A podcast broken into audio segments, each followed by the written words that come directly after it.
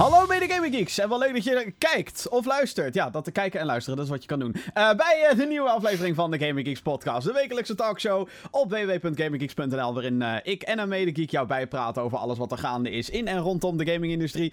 Ik ben Jim en tegenover mij zit Jesper Denel. Hallo.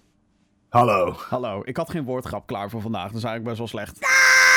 Er ruimt ook niet zo gigantisch veel op mijn achternaam. Nou dat ja, is een beetje het, uh... hou je mel, maar dat is ook weer zo grof beginnen. Dat is ook weer zo dat ik denk, ja... Eh. Ja, pijl. Oh ja, hel. Maar ja, om daar een goede zin van te maken.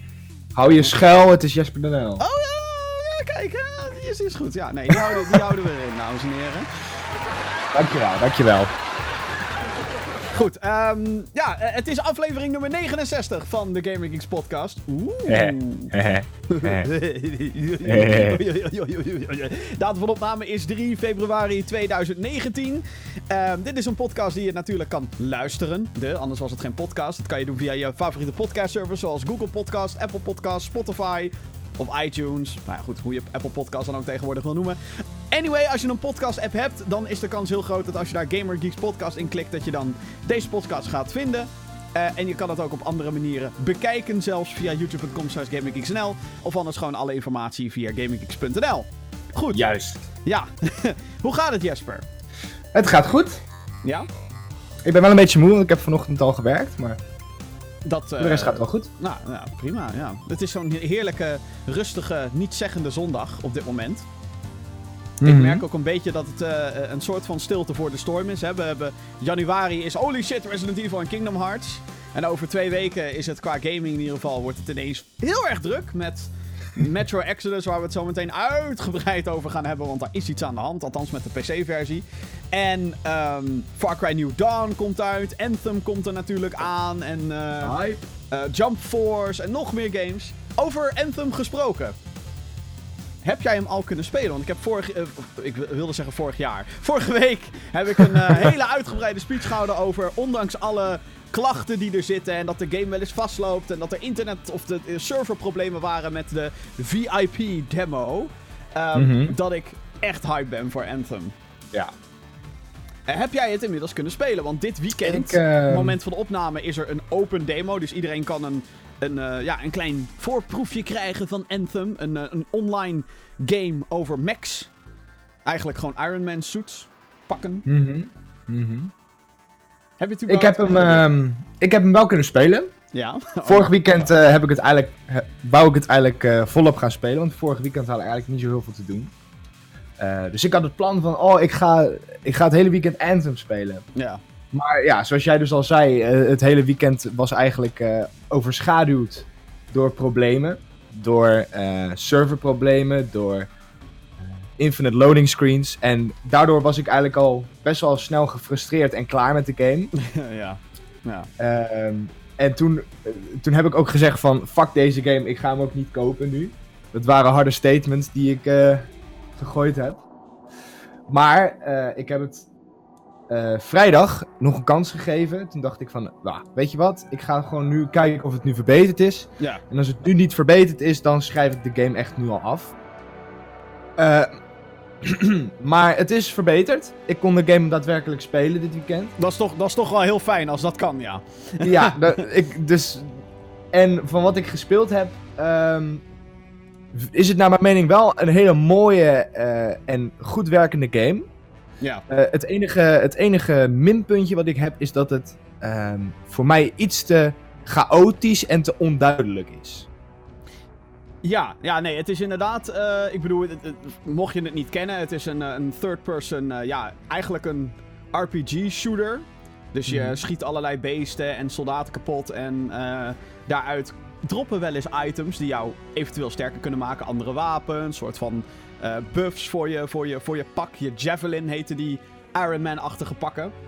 Mm -hmm. um, en inderdaad, dat lijkt een beetje op Destiny en Division, die een beetje diezelfde dingen hanteren. Min het hele Iron Man gedeelte, want dat is wel echt uniek. En het is inderdaad als je, uh, uh, hè, want je hebt granaten en raketten en, en, ultimate abilities die je kan afvuren. En als dat inderdaad allemaal tegelijkertijd gebeurt, je kan ja. met uh, een party van vier javelins, die pakken dus, kan je, kan je samen gaan vliegen en gaan schieten.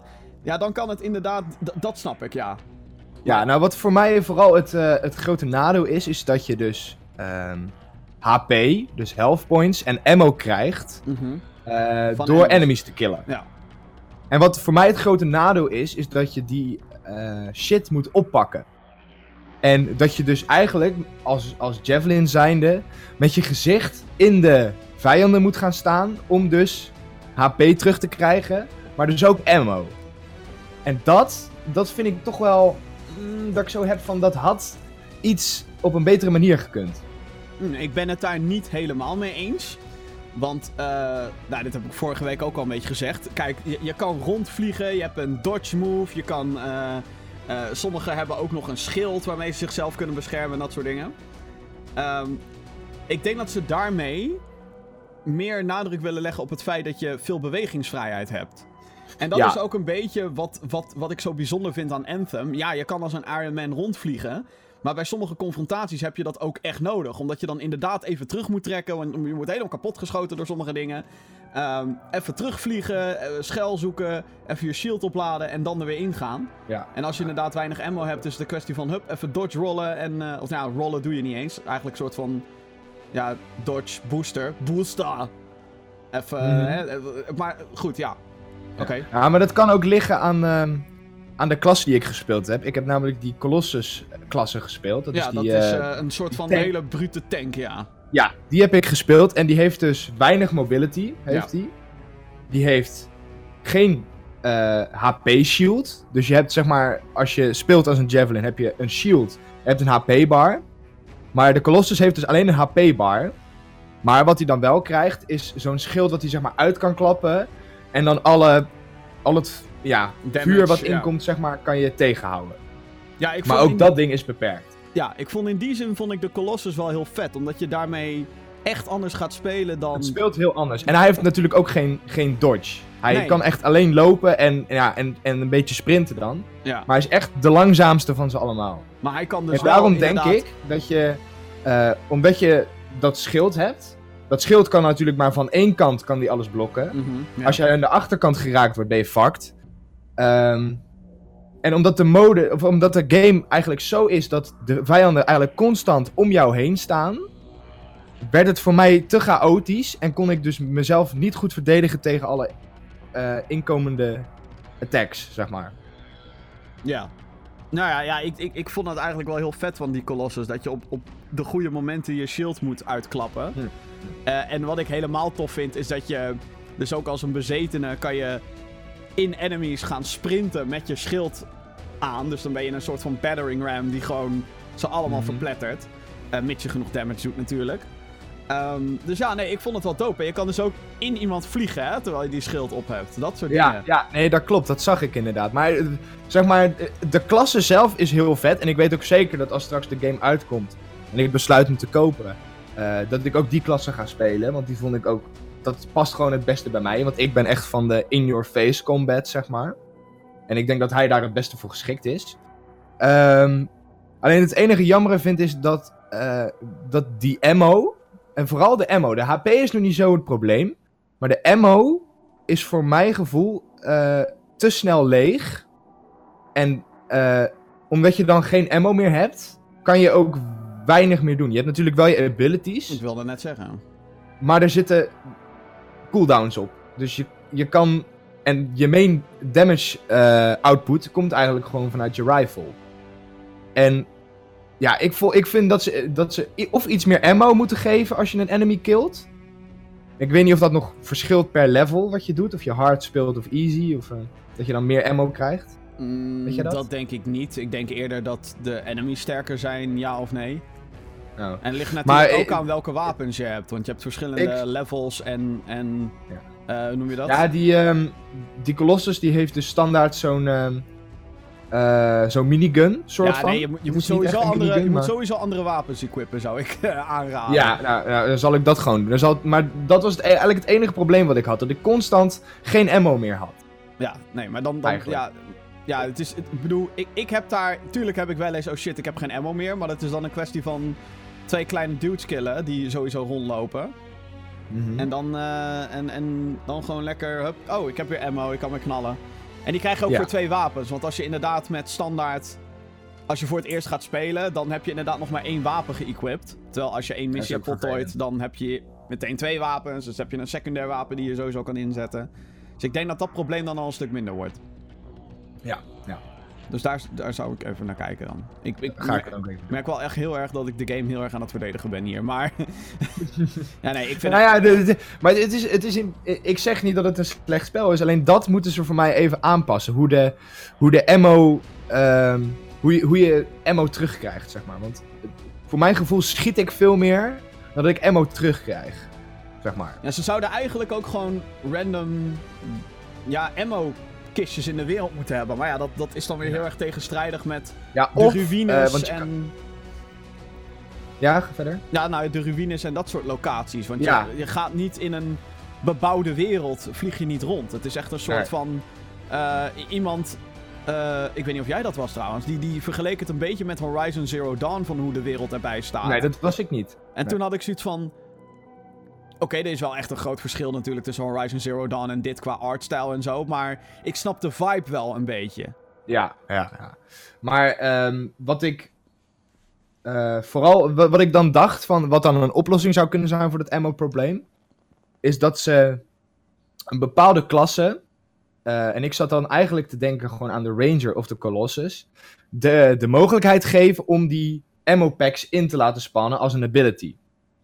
Nou ja. Zodat je dus ook met je team weer dichter samen gaat werken. Omdat er dus één iemand is die gewoon ammo pouches in kan spannen. Net zoals je, zoals je dat eigenlijk in Battlefield hebt. Wel op een iets mindere rate, zeg maar. Dus dat je ze niet constant kan blijven gooien. Maar dat je op, op een of andere manier via je team ook ammo of HP kan krijgen. Ja, nou ja, nogmaals, ik zie daar dan weer problemen in. Omdat al, eigenlijk alle abilities gemaakt zijn dat ze allemaal offensief zijn. Bekend. Eh, zodat iedereen in zijn eentje of met z'n tweeën, dat je eigenlijk elke klasse kan spelen die je wil. Dat is volgens mij ook een beetje Ja. het idee erachter. Maar daarom zeg ik, daarom zeg ik je, moet ze, je moet de ammo ook nog steeds wel van, van enemies krijgen. Maar je moet, ook, je moet gewoon de mogelijkheid krijgen om dus zo'n speel, zo'n playstyle te kiezen. Van ik wil als een support gaan spelen. Ja, ja. Want ik ben, ik ben ook als ik bijvoorbeeld eh, MOBA's speel. Meestal vind ik het leuk om, om als een support te spelen. Om gewoon mensen te, te helpen met het, eh, het killen van andere spelers. En ik, ik krijg die mogelijkheid niet echt in deze game. Ik denk dat de Colossus de, de dichtst mogelijke optie is tot een support. Mm, nou, daar wil ik nog wel een keer over discussiëren. Maar dat, ik denk niet dat dat helemaal waar is.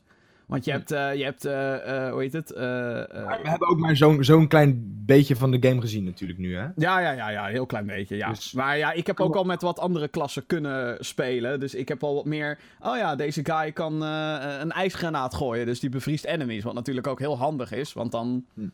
kan je gewoon... Dan kan- de rest het makkelijk uitschakelen en dat soort dingen. Ja. Maar goed, ja, dat, is, dat zijn wel dingen... Ik heb wel weer het een en ander gelezen op Twitter... dat de demo bij sommigen alsnog weer vastloopt... en dat ze niet verder komen. Ja, dat moeten we gewoon fixen, man. Dat, dat, is, dat, dat is gewoon niet acceptabel. Hm. Dat je gewoon de game niet kan spelen. Ja, de grap, de grap is dus eigenlijk is dat ik heel veel dingen heb gelezen op het internet. Moet je natuurlijk ook Mhm. maar nagaan hoe, in hoeverre dat betrouwbaar is. Maar eh, eh, ik heb er allerlei dingen gelezen van... Ja, maar het internet is sowieso een rotzooi. En als er weet ik hoeveel mensen tegelijkertijd inloggen... is het ook gewoon niet te doen en bla bla bla bla bla. En dat, dat heb ik zeg maar van mensen gehoord en gelezen... die ook die net zo anti-IE zijn als andere mensen dat zijn. Dus dat vond ik wel een hele grappige gewaarwording. Dat, eh, dat het wel heftig schijnt te zijn om zoiets, zo'n dienst online te krijgen. Maar ja, dan denk ik ook, hoe kan het dan zijn dat Fortnite 10 miljoen spelers tegelijkertijd online heeft? Ja, precies. ja, Zo van, kijk dan naar de concurrent. Die doet het wel, dus waarom kunnen jullie het dan niet? ja. Het is, eh, het is een ingewikkeld dingetje, denk ik. Technologie Maar is er, dus. Geen idee hoe dat dan werkt. Ik hoop gewoon dat het rond launch, dat al dat soort problemen gefixt zijn. Want ik had ze er nu van geleerd hebben. Ja, ik heb ook nog wel wat problemen gehad met eh, dat minuutjes niet willen afsluiten en zo. Dat ik zoiets had van. "Ugh, fuck you. Maar als je eenmaal speelt, jongens. Als je eenmaal Ja. mag spelen. Oh mijn god, ja, dat gevoel is echt te gek. Oké, ehm, ik ben aan de slag gegaan met een andere game. Een game waar ook heel veel over gesproken wordt. Eh, ik weet niet of je hier al wat van wat hebt meegekregen. Ehm, Resident Evil 2, dames en heren. Ik moet daarbij zeggen, ik ben nog absoluut niet ver. Helemaal niet zelfs. Ik eh, ben anderhalf uur heb ik nu gespeeld, denk ik. En uh, nou, Resident Evil 2 is een, uh, een survival horror game. Een remake van Resident Evil 2. Die kwam van origine uit in, uh, wat was het, 1998 uit mijn hoofd. Um, dus ja, Toen was ik nog niet eens geboren, joh. Ik voel me oud. Um, maar uh, ik, ik, was zeven. Ja. Um, maar goed, ja, ik, ik heb die game vroeger. Ik heb die, de oude versie. Ik heb hem liggen, de originele, voor de PlayStation 1. Maar nooit gespeeld. Maar goed, maakt niet uit. Ik ben wel fan van Resident Evil. Uh, ik heb de Collector's Edition gekocht. Er staat een unboxing online op GamingGeeks.nl. Ik heb echt een... Uh, ja, ik, ik, ik vind hem te gek. Ik heb onder andere een best wel vette statue zit erbij. Van een van de hoofdpersonages, Leon S. Kennedy. Nou, te gek. Kan je zien, GamingGeeks.nl. Um, maar ik heb de game dus ook even kunnen spelen. Resident Evil 2 Remake is dus... Uh, het gaat over een stad dat heet Raccoon City... en dat wordt overrompeld door zombies. Um, en ja, dit was zeg maar in, in zo'n periode dat uh, uh, zombie games nog niet als paddenstoelen uit de grond kwamen. Um, je zou bijna kunnen zeggen dat Resident Evil een van die grondleggers was, zeg maar, die horror met zombies echt serieus namen. Um, en ik moet heel eerlijk zeggen dat ze een geweldige blend hebben gemaakt tussen horror en actie. Um, er zijn een paar Resident Evil games geweest, zoals 5 en 6. Die hadden net iets te veel actie en te weinig horror. Dat, en het verhaal sloeg ook helemaal nergens op. was één grote grap eigenlijk. Um, en dan heb je games die heel erg op de horror gaan en heel weinig actie. Wat op zich geen slecht idee is, vind ik. Resident Evil 7 was daar onder andere eentje van. Um, dat ging ook over een huis met een hele gekke familie. Heel erg gebaseerd op de Texas Chainsaw Massacre. Met heel veel invloeden van PT ook. Die uh, Silent Hills demo. Waar mm -hmm. helaas nooit een game uit is gekomen. Want fuck you Konami. uh, ja, Hideo Kojima was daarmee bezig al. Dat had echt de, waarschijnlijk de beste horror game ooit geworden. Maar goed, whatever. Het ligt in het verleden. Um, en dan heb je nu dit, wat weer een blend is tussen horror en, en actie. En uh, nogmaals, ik heb nog niet heel veel gespeeld. Uh, maar het heeft die puzzelelementen van de oude games. Er zijn een aantal. Ja, gewoon, gewoon items die je moet verzamelen. Dat je denkt: no way dat dit in een moderne politiebureau. Want daar vindt het begin van de game zich plaats. Mm -hmm. um, no way dat zeg maar, dit soort puzzels in een politiebureau gaande moeten. Dat er knoppen van een panel vermist zijn en dat soort dingen. Het is allemaal heel erg toevallig en heel erg raar. Maar dat vind ik juist wel zijn charme hebben. Dat het op die manier um, heel erg een game blijft. In plaats van een hele realistische wat nou als. Uh, ja, met met ja. characters en, en de actie die erbij komt. Maar het, is, het ziet er fantastisch uit. Dat ten eerste. Het draait op 60 frames per seconde op de PlayStation 4. Waar ik heel blij om ben. Um, en ja, het, het is echt heel erg mooi. Er zijn heel veel donkere hallen. En je weet eigenlijk nooit waar die zombies vandaan kunnen komen. Wat het dus zo'n creep factor maakt. En ja. um, wat, ik, wat ik daar ook zo tof aan vind, is je speelt als een politieagent, Leon Kennedy, althans als een van de twee personages die je kan kiezen. Die, um, dat, het is zijn eerste week als agent. Dus hij is nog helemaal niet zo. Het is geen. Ja, hoe zal ik. Het, het, het is geen. Geen veteraan. Nee, het is geen actieheld of zo. Het is geen. Ja. Ik schiet alles naar de kloten. Dus als je bijvoorbeeld richt om te schieten, beweeg je heel langzaam. En als die zombies dan op je afkomen, is dat toch wel. Oeh, uh, even terug, even terug. Even weglopen en terug. Het is wel echt een hele toffe combinatie. Uh, het character zoals je, wie je speelt, is net zo bang voor die zombies als dat jij bent. Ja, nou gaat dat natuurlijk op den duur wel weg, denk ik. En ik denk jij als speler ook. Want op een gegeven moment mm -hmm. heb je die zombie-patronen wel door. Maar dan komen er wel weer andere monsters aan. Mm -hmm. Dat weet ik dan al als een feitje. Maar... Het zou wel een goede, goede dynamiek geven voor de game. Dus dat jouw character ook... De, hoe meer zombies die vermoordt, hoe, hoe sneller die eigenlijk kan reageren op, op dingen. En hoe sneller die kan lopen als die, als die richt bijvoorbeeld. Dat zou wel een hele goede game mechanic zijn. Ja, dat zou wel leuk zijn. Volgens mij is dat niet hier, dat is niet hier te sprake. Um, maar het, op den duur krijg je natuurlijk andere wapens. En ik heb al zo'n... Ik heb, ben al in een kamer geweest waar dan een weapon locker zit. En daar zit dan een shotgun in. En dan is het van, die wil ik hebben. Maar dan moet je weer allemaal items verzamelen. En dan is het mm -hmm. toch wel van, durf jij door die ene hele creepy gang te gaan? Ja, je moet wel. hè, om verder te gaan. Maar het ja. is wel, uh, ja, ik ben op dit moment wel onder de indruk. Ik, nogmaals, ik heb nog niet heel veel gespeeld. Maar dat ga ik ongetwijfeld nog doen. Um, want ja, dit is wel Resident Evil. En uh, van, ja. als ik zo een beetje de reacties lees online van wat mensen van die game vinden, denk ik: oké, dat zit wel goed. Dat zit wel snor. Dus goed bezig. Goed bezig. Capcom. Nogmaals, unboxing op GamingGeeks.nl van de Collector's Edition. Uh, waar ik heel blij mee ben. Want ja, Ja. Je moet toch ergens blij mee zijn. Goed, zometeen gaan wij het hebben over onder andere heel veel Nintendo nieuws. Want eh, er komt heel veel uit dat Japanse bedrijf, komt er eh, kennelijk. En eh EA die heeft de FIFA Ultimate Team Card Packs of FIFA punten, of hoe je het dan ook wil hebben, uit België weggehaald. Wat is daar in godsnaam aan de hand?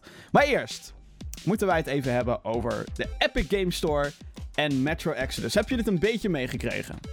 Ehm, ja, een beetje. Omdat ik natuurlijk ook Metro Exodus een beetje in de gaten aan het houden ben. Omdat Ja. ik toch wel benieuwd ben naar die game. Nou, ik ook Ehm, zeker. Dus ik, heb er eh, een beetje met vlagen iets van gehoord. Maar volgens mij is het dit weekend vooral geëxplodeerd. Ja, eh, wat is er aan de hand? Epic Game Store die heeft wederom een exclusieve titel te pakken. En dat is Metro Exodus. Een open world FPS die op 15 februari verschijnt. Eh, komt op onder andere de PlayStation 4 en de Xbox One. Daar slaat dit natuurlijk allemaal niet op. Het gaat allemaal op de PC-versie. Die komt voor een jaar lang alleen op de Epic Game Store uit. Eh, Valve, dat bedrijf achter Steam, dat andere hele grote platform waar je games koopt, downloadt en et cetera, et cetera, en speelt. ehm, die lijkt boos te zijn op deze actie. Die heeft ook een bericht op de Metro Exodus Steam pagina gezet. Waar dus de game voor maanden te pre-orderen was. Waar alle marketingbudget al in leek te zijn gestopt. Het is dus best wel last minute gebeurd. Ehm, Valve heeft daar zelf dit bericht op gezet. We think the decision to remove the game is unfair to Steam customers, especially after a long pre-sale period. We apologize to Steam customers that were expecting it to be available for sale through February 15th release date, but we were only recently informed of the decision and given limited time to let everyone know. Oftewel, dit geeft heel erg aan. De uitgever, Deep Silver, Koch Media, hoe je ze dan ook wil noemen, die heeft waarschijnlijk een paar weken geleden een aanbod gekregen van Epic. Hey, kom naar ons toe. Hier is een zak geld.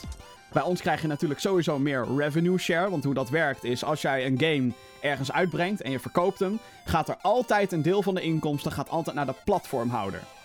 Ik weet niet wat de ratio's zijn exact bij bijvoorbeeld PlayStation, Nintendo en Xbox. Maar elke game die je koopt, maakt niet uit in de winkel of digitaal of whatever. Ja, illegaal is een ander verhaal, maar whatever. Ehm, een deel van die inkomsten, een deel van jouw 60 euro, gaat altijd naar de platformhouder. En dat is bij Steam en Epic Game Store en Origin is dat niet anders. Origin is natuurlijk bijna allemaal EA, dus dat is misschien een slecht voorbeeld. Maar ehm, nu is het zo dat bij Steam is de verhouding 70-30. Dus als jij daar een game koopt voor 60 euro, gaat 70% daarvan gaat naar de ontwikkelaar slash uitgever. Waarschijnlijk de uitgever die het vervolgens weer onderverdeelt. En 30% gaat direct naar Steam, naar Valve. Epic, eh, daar is de verhouding 88-12. Dus slechts 12% daarvan gaat naar Epic en 88% naar de ontwikkelaar slash uitgever. Oftewel, het is beter voor de ontwikkelaar slash uitgever als jij daar je games koopt. Want hey, meer inkomsten voor de mensen die daadwerkelijk de game naar je hebben gebracht. Ehm, dat is een van de lokkertjes en waarschijnlijk ook een van de grote redenen dat partijen graag naar de Epic Game Store willen. Metro eh, 2033 en Metro Last Light, dat zijn de andere twee delen in de Metro-serie. 1 en 2 zijn dat. Die komen ook nog naar de Epic Game Store, maar deze zijn nog wel te krijgen op Steam. De exclusiviteit van Exodus, de nieuwe, duurt een jaar. Dus eind februari 2020 is Metro Exodus ook op Steam.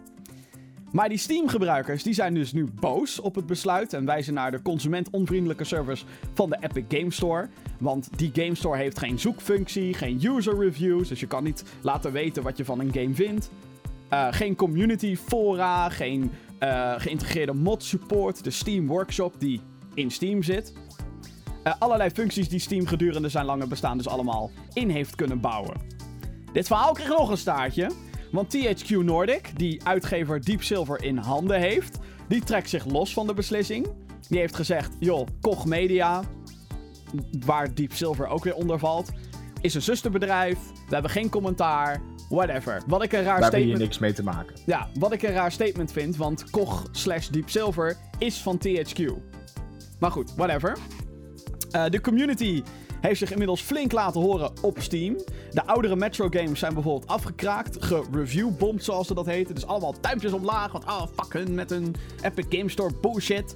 Ehm, en uh, de ontwikkelaar 4A Games heeft een statement gemaakt door middel van een van zijn medewerkers. Die schijnt gezegd te hebben dat als spelers onze games blijven boycotten, dan gaan we niet langer releasen op PC.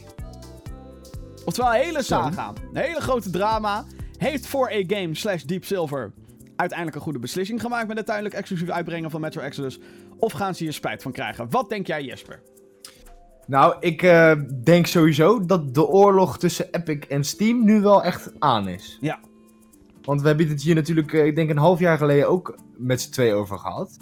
Uh, over van, goh, wat, wat moet Epic doen? Ja. En volgens mij heb ik toen gezegd van, je moet gewoon games van Steam naar Epic trekken.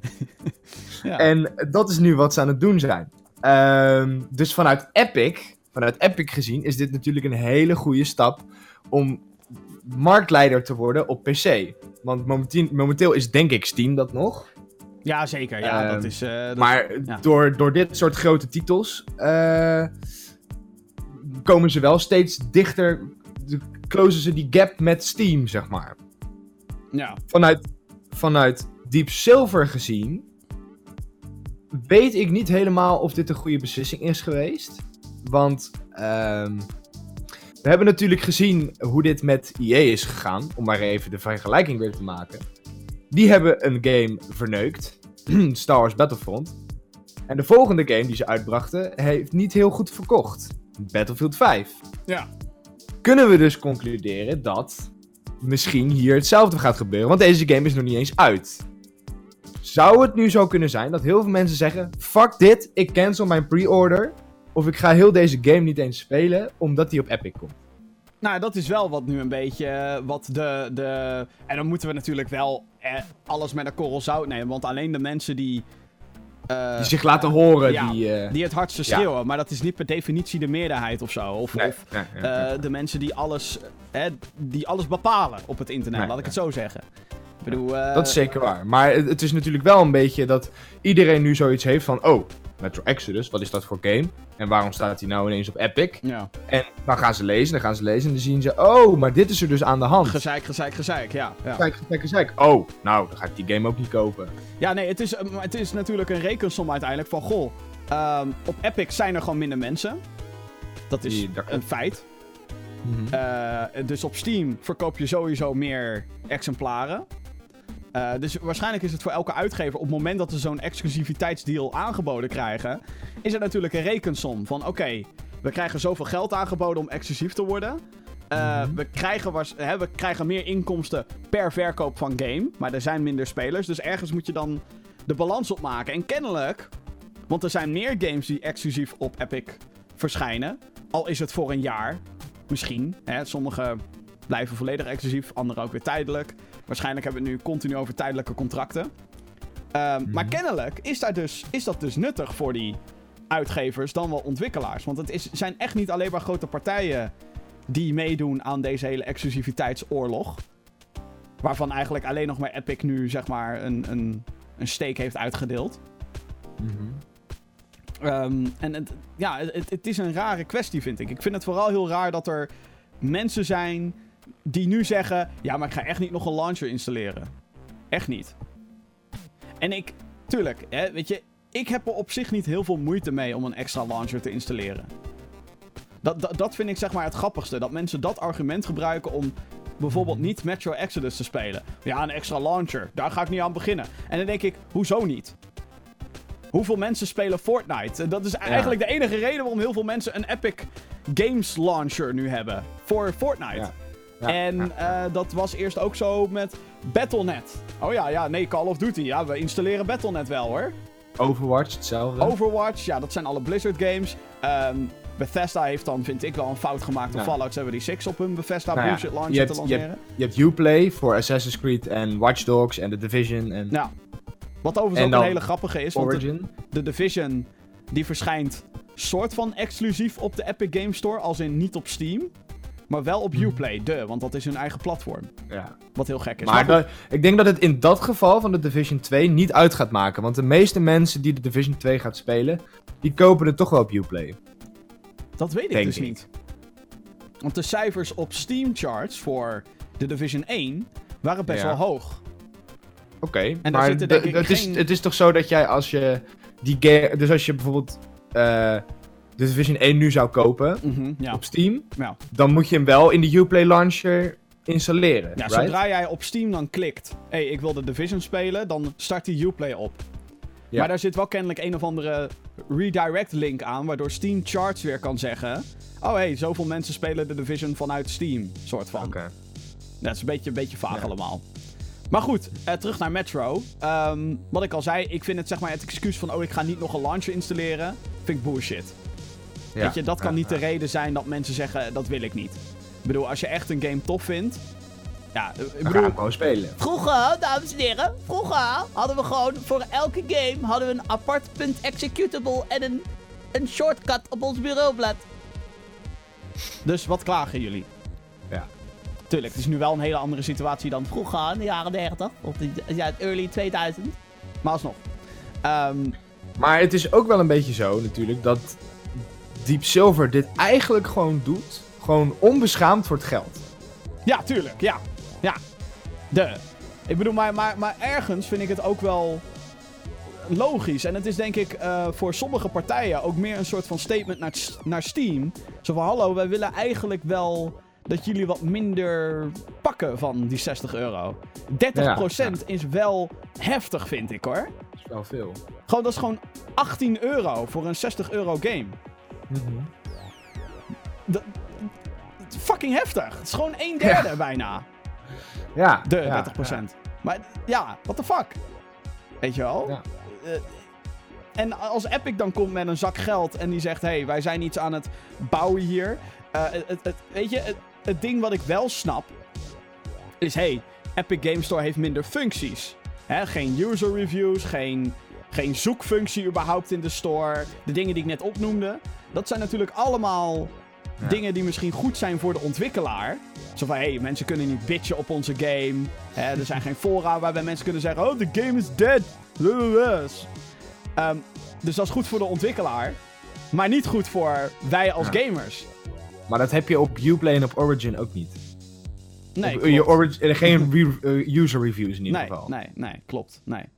Nee, dus ja. En, en laten we ook, en dat vind ik dan weer. Epic Game Store is nog maar net begonnen. Bij Steam duurde het ook jaren voordat sommige functies die we eigenlijk al vanaf dag 1 wilden, voordat die in werden gebouwd. En tuurlijk, we leven Ja. nu in een andere tijd, bla bla bla. Maar ik kan me nog heel goed herinneren Dames en heren, vroeger.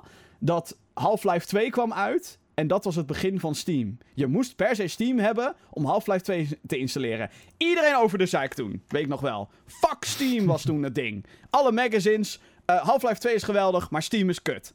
Waarom? Omdat het, het was het begin. En ik Hmm. Dat denk is dat bij... gebruikersonvriendelijk. Het was, ja, nee, het was toen echt gewoon een drama. Het was echt, het was Ja. lelijk, het, het reageerde vaak niet. En het duurde ook heel lang voordat Valve eh, eh, daadwerkelijk een andere game op Steam uitbracht, behalve die van hunzelf. Dus dat was toen, toen de tijd, was dat ook een dingetje. Maar ook daar merk je zeg maar dat het is een begin van iets. En Ja. Al die Maar dat was, dat was ook een van de eerste launches die er kwam. En Ja. nu is er natuurlijk al een standaard gezet door Steam. Zeker. En ja, daarom zeker. wordt het nu ook vergeleken. Ja. En dat, daar vragen ze natuurlijk ook een beetje om door games letterlijk weg te halen van Steam en, en Ja, weer op Epic te zetten. Ja. Ehm, maar kijk, ik, ik, ben, ik ga nu niet helemaal zeggen van, oh jongens, eh, je moet nu ha- hartstikke voor Epic gaan, want ik heb daar zelf geen belang bij. Ehm, maar als jij je echt verheugt op Metro Exodus, Gewoon gaan spelen. ja. dan zie ik niet in waarom je niet op de eh, Epic Game Store zou willen spelen.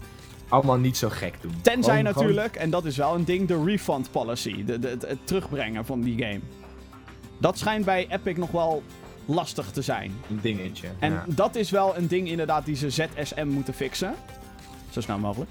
Ehm, maar al die andere functies... Ja, dit klinkt misschien heel erg naïef van mij. Maar ik heb het idee dat ze daar mee bezig zijn. Nou, dat zou goed kunnen. Ik denk dat ze daar echt wel mee bezig zijn. En ik, ik, ik, ik, ik, Ik denk dat zij de kritiek ook wel horen van... Tuurlijk, Yo, wij willen graag een zoekfunctie of weet ik het. tuurlijk, ja. Ja, en het is, het is gewoon eh, iets nieuws voor dit bedrijf. En het is iets... eh, het is een lange termijn plan, wat ik al eerder zei. Eh, want Fortnite, hoe succesvol dat nu ook is... Hè, er is laatst ook weer... Of laatst, volgens mij was dat gisteren... Is er een of ander live concert geweest van DJ Marshmallow. Ja! in de game 10 miljoen mensen die dat hebben gezien. Dat is fucking vet. Dat soort dingen Ja. allemaal. Maar ook Epic weet, Fortnite, hoeveel geld we er nu ook mee binnenhalen, dat gaat niet voor altijd duren. Nee. Dit nee. is hun lange termijn plan. Wij gaan een platform beginnen, want wij hebben daar nu de middelen voor, financieel, om dat allemaal op te starten. En je kan natuurlijk dan zeggen, ja maar wacht dan totdat je alle functies hebt. Ja, maar dan ben je weer drie jaar verder waarschijnlijk. Dus het is een beetje... Nogmaals, ik weet niet of ze met die dingen bezig zijn. Zou heel goed kunnen, zou ook niet goed kunnen. Of heel goed kunnen van niet. Maar ik, ik heb wel zo'n idee. Ik, en misschien is het vanuit mijn eigen standpunt dat ik zoiets heb van... Het is goed dat Steam een keer echte concurrentie krijgt. Ja. En dat Ja. niet alleen maar, ik bedoel, dat EA zijn eigen gang gaat, kennen we. Hè, dat Ubisoft dat soort van doet, maar die is nog wel op Steam. Dus die kiest voor de middenweg. Wat heel veel mensen denk ik prettig vinden. En ja, dat Bethesda dan nu zegt, oh, Fallout 76, alleen maar voor... Weet je wel, ga weg. Ja. Flikker op. Ik, ik mag toch hopen dat Rage 2 en Doom en dat soort dingen, dat die allemaal wel op eh, Steam blijven komen. Anders hebben ze denk ik een groot probleem op den duur. Spoiler. Gaat niet gebeuren. Ja, nou ja, ik, ik, ik weet Nee, niet. ze hebben zo'n hele, ze hebben zo'n hele launcher ontwikkeld, dan gaan ze het niet ineens weer op Steam zetten. Ja, ja, ja. Denk ik dan. Vanuit een business standpoint. Ik weet niet hoor. Ik weet het niet. Ik weet het niet. Anders, is, je- anders is je geld om die launcher te ontwikkelen ook weer gewoon weggegooid. Gewoon, Ja, true. Maar ja, uiteindelijk moet je natuurlijk nogmaals die rekensom gaan maken van... Halen we meer geld binnen door op Steam te blijven? ja, dat is ook wel weer een beetje zo. Maar ze moeten het op een of andere manier moeten terugverdienen, die, die ontwikkelskosten van die launcher. Ja, maar ze moeten ook de ontwikkelkosten kosten terugverdienen van Fallout 76. Maar dat, eh, Dat gaat ook nog wel even duren. eh, nou ja, eh, ik weet niet. Ik weet niet. denk het wel. Ik denk uiteindelijk, wat, wat, natuurlijk hier de situatie op dit moment is. eh, en dat is wat Deep Silver niet goed heeft gedaan. Het is last minute gebeurd. Ja. Die game was tot twee weken geleden of zo, of vorige week. Was het gewoon nog op Steam. En om dan ineens te zeggen: ah, fuck Steam, doei. Het is overigens wel zo dat als je de game gepreorderd hebt op Steam, dat je hem gewoon op Steam kan spelen straks. Dat is het Oké, probleem dat niet. is wel... eh, Maar dat het dan in, inderdaad ineens weggenomen wordt. En, maar, maar dat vind ik ook weer zo. Dat ik denk, ja, waar zeiken mensen eigenlijk om? ja. En nogmaals, misschien, Ze ben zeiken ik, om te zeiken. misschien ben ik heel naïef. Misschien ben ik heel goedgelovig in wat de Epic Games Store allemaal doet. Maar ja. Misschien is het toch dat mijn hype voor deze game groter is dan eh, het sceptische wat eraan hangt. Ja. Want Metro Exodus... Als de game gewoon goed blijkt te zijn, dan, ja, dan verkoopt hij toch wel. Ja, nou ja, oké. er is- nogmaals, er is ook een PlayStation versie en een Xbox versie. Ja, ik vind het dan wel heel ver gaan dat, dat zo'n medewerker dan schijnt gezegd te hebben... Als jullie ons boycotten, dan gaan we nooit meer wat voor PC maken. Wat ik dom Ja, vind. Want Dat deze games horen op PC, vind ik. Ook al heb ik Metro 1 en 2 eh, op PlayStation 4 gespeeld. maar ik had daar ook wel heel vaak... "Eh, geef me een muis en toetsenbord. Ja. Nou goed, ja. eh, Metro Exodus komt in ieder geval 15 februari uit op de Epic Game Store, PlayStation 4 en de Xbox One. Ik heb er heel veel zin in. Maar het is natuurlijk nog maar eh, een beetje de vraag hoe dit allemaal gaat uitpakken. Maar het wordt, eh, het wordt een interessant in ieder geval. We zijn benieuwd. Nou, hartstikke benieuwd. Of zoals Jannie uit Heel Holland Bakt zou zeggen, we gaan het zien. We gaan het zien. Gaan we naar het nieuws van de afgelopen week. En godsamme, wat is er veel gebeurd. Ehm, Oké, het eerste. Dit, dit vind ik toch heel erg gek. Kennelijk komt er een Oh ja, Doom-film De. Doom-film. Ja, ik ga alvast ik ga even een bakje koffie zetten. Ja, een Doom-film. Een nieuwe Doom-film. Waarom? Waarom? Oh, je bent niet hyped? Nee, tuurlijk niet. Oh! Nee, fuck dit. ik dacht jij was hyped. Nee joh, ben je gek. Eh, deze is uitgesteld naar de herfst van dit jaar. Kennelijk had hij al eerder moeten verschijnen of zo. Universal Studios maakt de film. Dus dat is niet zeg maar dat je zegt een kleine partij. Amy Manson en Nina Bergman die spelen de hoofdrollen in deze film. Er is nog geen trailer. Dus what the fuck. Ehm, en deze film die staat los van eh, eh, de film uit 2005. Waar The Rock en Carl Urban de hoofdrollen in speelden. Oké, maar Ja, waarom ben je niet hyped voor een Doom-film? Omdat het een fucking Doom-film is. Ik bedoel, videogame Jij bent toch helemaal Doom fanboy? Wat is dit? Ja, maar oké, luister. Er zijn games die je kan verfilmen. En dat kan vet worden. Ja, oké. Tomb Raider van vorig jaar vond ik bijvoorbeeld best goed. Met de nadruk op best goed. Niet cinematic, oh my god, blah. Ehm, Mhm. Was een oké film. Was een, oh, inderdaad, wat jij zegt, oké. En er zijn videogames waarvan ik denk, ja, als je dat op een goede manier vertaalt, kan je daar best een Assassin's Creed. Ja, dat kan best een hele vette film zijn. Als je het goed ja. doet. Ja. Die eerste Assassin's Creed film? Nee, nee, nee. No good. Mi dispiace. Gewoon nee. Nee. Was niet goed, Ja. Ubisoft. Nee. Er komt nu bijvoorbeeld ook een fucking... De... Kijk, er zijn videogames. Hè, Assassin's Creed, goede keus. Waarom Netflix nog geen Life is Strange televisieserie heeft gemaakt, geen idee. Zou je zo kunnen doen. Als je Hm. maar je enigszins trouw blijft aan het bronmateriaal, in dit geval. Maar dan Mhm. zijn er ook videogames die niet geschikt zijn als film. Fortnite. Fortnite. Geen idee hoe je daar een film uit kan maken. Tetris was een tijdje in ontwikkeling als film. Geen idee hoe je dat zou willen doen. Ze hebben nu ook Minecraft op eh, Netflix gezet. Ja, story mode, maar dat is een game. Eigenlijk, soort van. Het is wel Minecraft. Maar een hebben er wel een Minecraft verhaal film, uit kunnen maken. denk ik ook, hmm.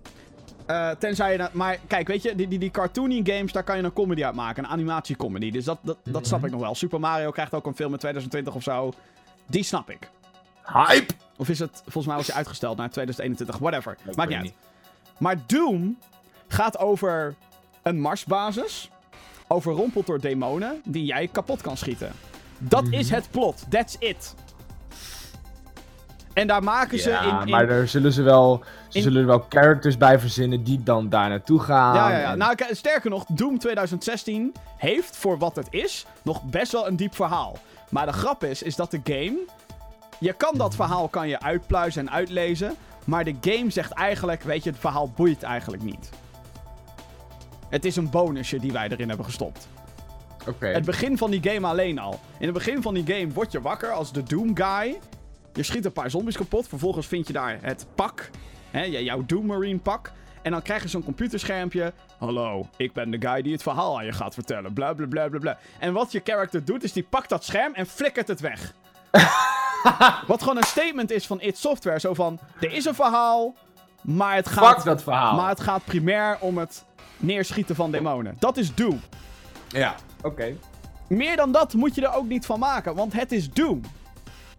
En, Dan snap ik het. Dan En het- ik. hoe, hoe, waarom maak je daar nog een film over? Zeker omdat hij uit 2005 was ook kut. Hm. Dus ja, ik snap het niet. Ik ben hier veel te veel over doorgegaan trouwens. Mijn excuses. Maakt niet uit.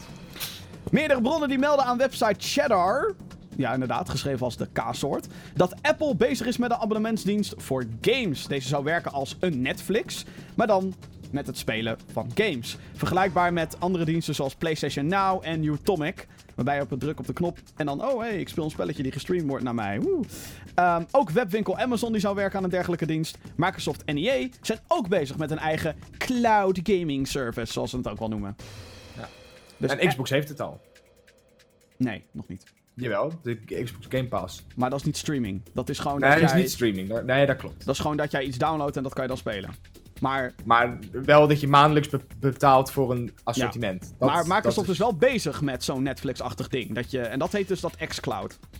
Ja, oké. En daar gaat waarschijnlijk de volgende Xbox gaat daar heel veel gebruik van maken. Oeh, spannend. Spannend. Ja, Apple gaat ook meedoen. Ben benieuwd. Nou, Apple en games. Dat gaat meestal niet zo goed samen. Maar... Ja, ze hebben ooit een console uitgebracht. Heel, heel lang geleden. Faal. Die faalde keihard. Nou, De App Store, ja. Games op mobiel. Ja. Oh, maar dat zouden ze wel kunnen doen. Dat ze zo'n abonnementsdienst doen voor mobiele games. Ja, dat, dat gaat niet werken. dat daar best wel een markt voor is. Ja, maar dat gaat niet werken, want al die games zijn free-to-play al. Of Ja, maar de games die niet free-to-play zijn. Nou, dat zijn er niet heel veel. Nou, Ik denk dat daar geen markt voor is. Ik denk dat als ze zo'n abonnementsdienst willen maken, dat het dan voor tussen aanhalingstekens echte games moet zijn. We Maar gaan het zien. Maar dan is natuurlijk de vraag welke titels halen ze binnen, welke uitgevers gaan eraan meewerken. Want er zijn op dit moment al te veel van dit soort fucking diensten. Ja. Nintendo heeft meer verkoopcijfers bekendgemaakt van de Nintendo Switch. Ja, ja, ja. En dit Ik zijn... heb er ook eh, aan meegeholpen. Ja, ja, je hebt een Nintendo Switch gekocht hè, deze week. Mhm, ja. Is het een leuk ding? Vind je het leuk? Vind je het, eh, Ik vind het tot nu toe, ik ben helemaal verslaafd aan Super Smash momenteel. Oh jee. Ik, vind, ik, ik zit nu alweer te wachten om zo meteen mijn Switch te pakken en weer te gaan spelen. Oh jee. Oh jee. Ehm, ja, eh, verkoopcijfers bekendgemaakt. De console slash handheld hybride is, let op, 32,27 miljoen keer over de toonbank gegaan. Tering. Dat is best wel veel. Eh, de console kwam uit in maart 2017. Daarmee is de Switch ruim twee keer zo populair als de voorganger, de Wii U. Die had 13,56 miljoen verkochte exemplaren. Dat is niet veel. Dat ding faalde keihard. Eh, en het is al anderhalf keer zoveel als de Nintendo GameCube. 21,74 miljoen. was ding dat. was wel awesome. Dat ding was wel awesome. Vooral de games. Hell yeah. Met Metroid Prime for the win.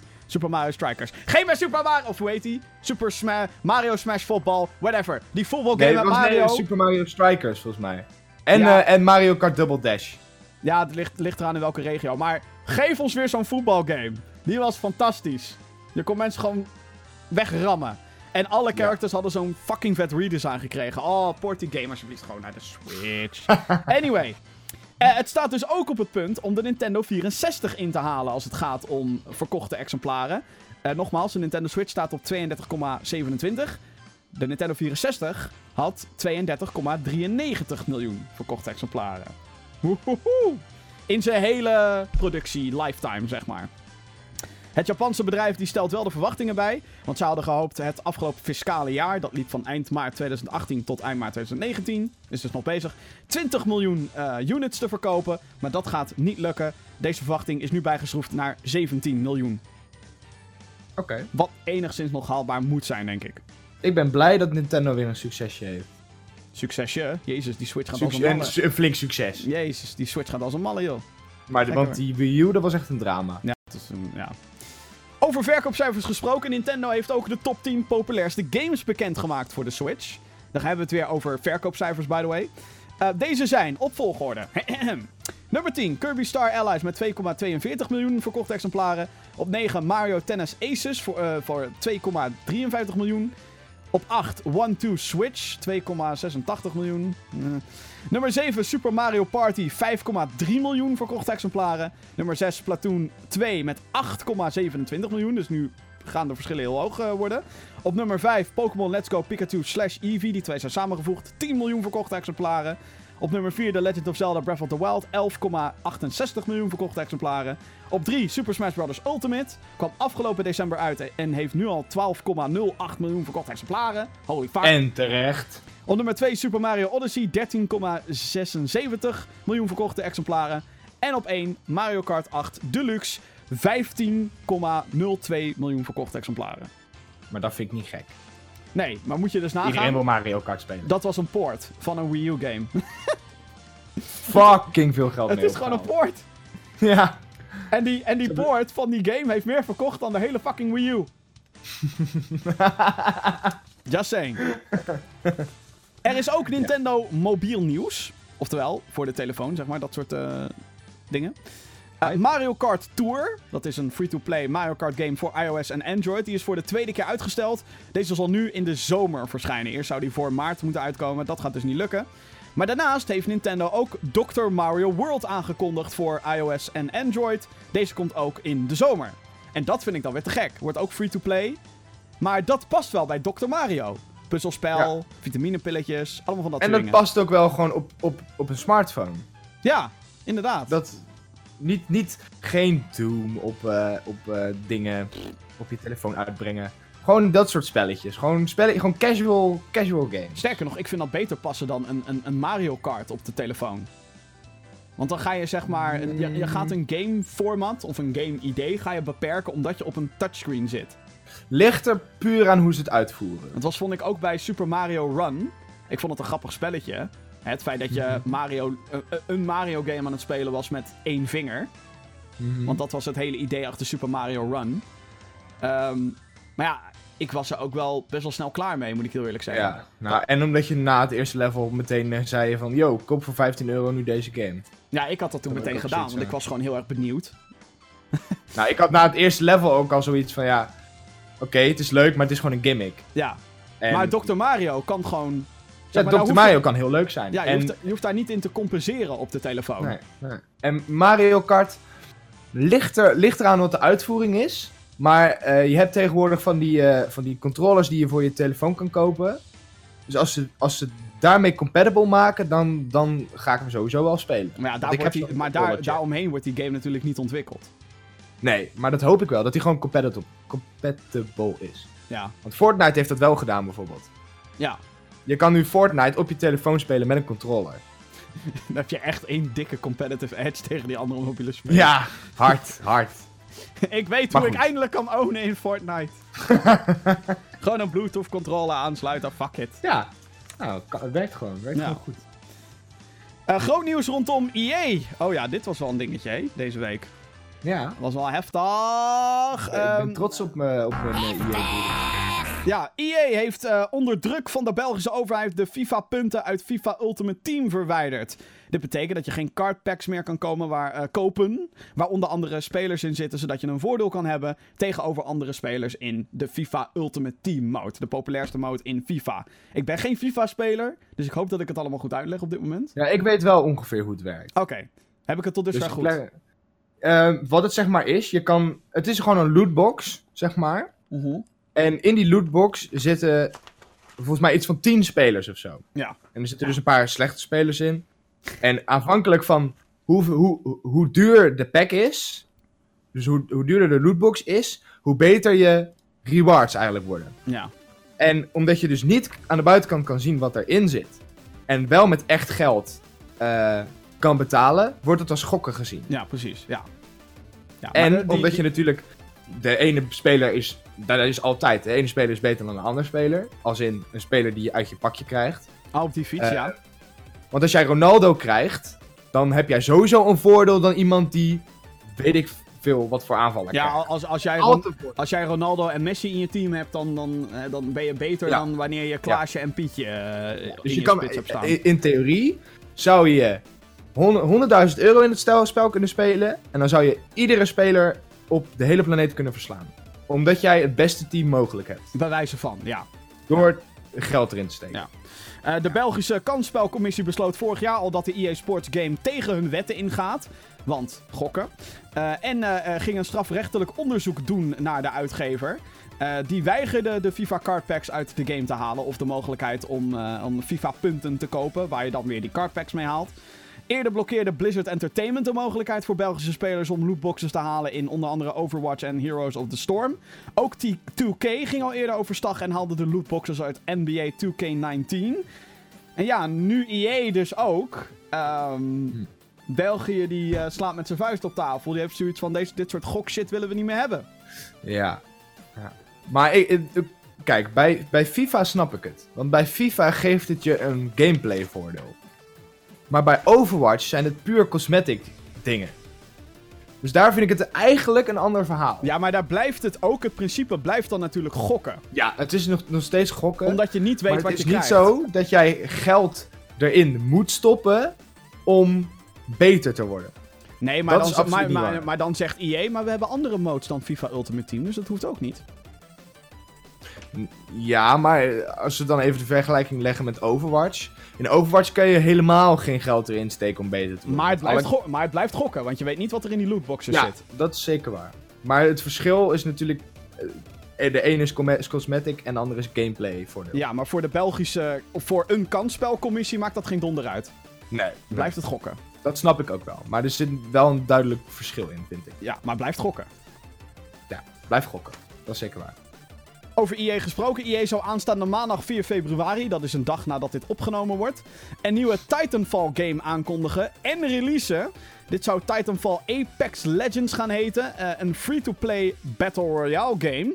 Meerdere insiders in de industrie hebben bevestigd dat deze game echt is. Maar aangezien het nog om een gerucht gaat, moeten we alles met een korrel zout nemen. De Battle Royale game zou matches met 60 spelers bevatten en maximale teams van 3 ondersteunen. Een ander opvallend iets is dat het inroepen van Titan Max, dus zijn grote robots, in Titanfall kan je die dan inroepen en dan kan je daar instappen, fucking vet is dat. Eh, die zouden hier niet in zitten.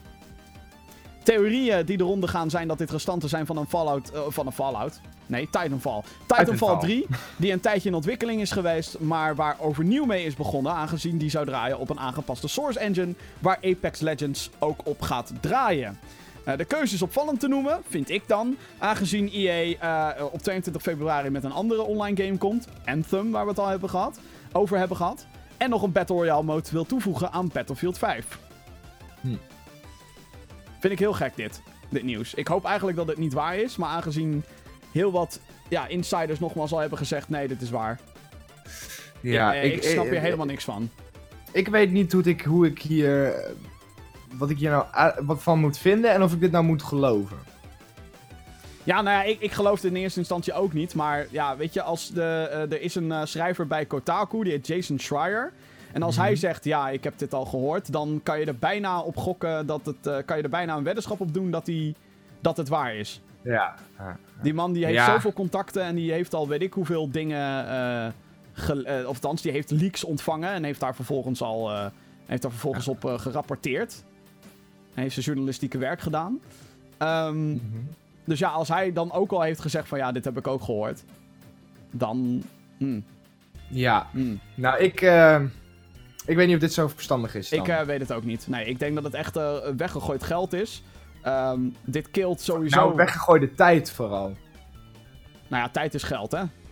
Ja, daarom. In gameontwikkeling. Dus dat is. eh, Zeker als er straks een Star Wars game aan moet komen. Van Respawn. Ja, maar dit. Van Respawn. Ik, ja, maar dit. Ik, ik denk dat het team van Respawn is onderverdeeld in twee. Ja, maar Fucking steek gewoon al je energie in Star Wars, for fuck's sake. Waarom zou je dat doen als je Titanfall... Ik wil een, Star, ik wil een goede Star Wars game. Ja, nee, dat snap ik. Maar het, het, het hoeft niet zo te zijn dat als een studio in tweeën verdeeld is, dat dat dan meteen slechte games oplevert, hè? Nee, dat is waar, maar is ik soort, wil gewoon eh, zoveel mogelijk content in die game. Wist je dat eh, bijvoorbeeld Naughty Dog was in tweeën gesplitst? En maakte toen Uncharted 3 om eh, anderhalf jaar of twee jaar daarna eh The Last of Us te eh, te- uit te brengen. Mhm. Toen was de studio ook in tweeën verdeeld. Zonder dat iemand het wist trouwens. Wat wel heel grappig Ja. was. Voor toen de tijd. Oké, maar dit is, dit, deze game is eigenlijk gewoon zonde van je tijd. Van je ontwikkeltijd. Want, Nou ja, als het, als het inderdaad vijf, restanten is van Titanfall 3, waarvan ze dan nu kennelijk hebben besloten: oké, we moeten dit eigenlijk grootser aanpakken. Dan Mhm. snap ik nog wel dat je daar restanten van wil pakken om daar nog een game uit te maken. Of, Ja. of je dan moet meeliften met dat hele Battle Royale hype, dat, dat weet ik niet of dat dan weer verstandig is. Ik denk dat dit ook eerder schade kan aandoen tegen je Titanfall brand. Dan, nou, en eh, tegen je Battlefield brand ook. ja, en Battlefield. Ja, ik bedoel, die ontwikkeling, eh, wat, wat ze daar aan het doen zijn, dat snap ik niet, eigenlijk. Inmiddels. Niks. Nou ja, Dit? Dat, dat niet, maar het is wel dat ik denk, eh, jeetje, duurt lang. Voor al die, ook die co Ik wacht nog steeds op die co-op mode. Van Battlefield, dan. Ja. Whatever. Eh, ja, de Xbox Live Games with Gold voor februari 2019 zijn bekendgemaakt. Het komt erop neer dat als jij eh, Xbox Live Gold hebt, dan kan je online spelen op de Xbox. Maar je krijgt ook elke maand gratis spelletjes. Althans, niet echt gratis, want je betaalt er indirect voor. Maar je snapt hem.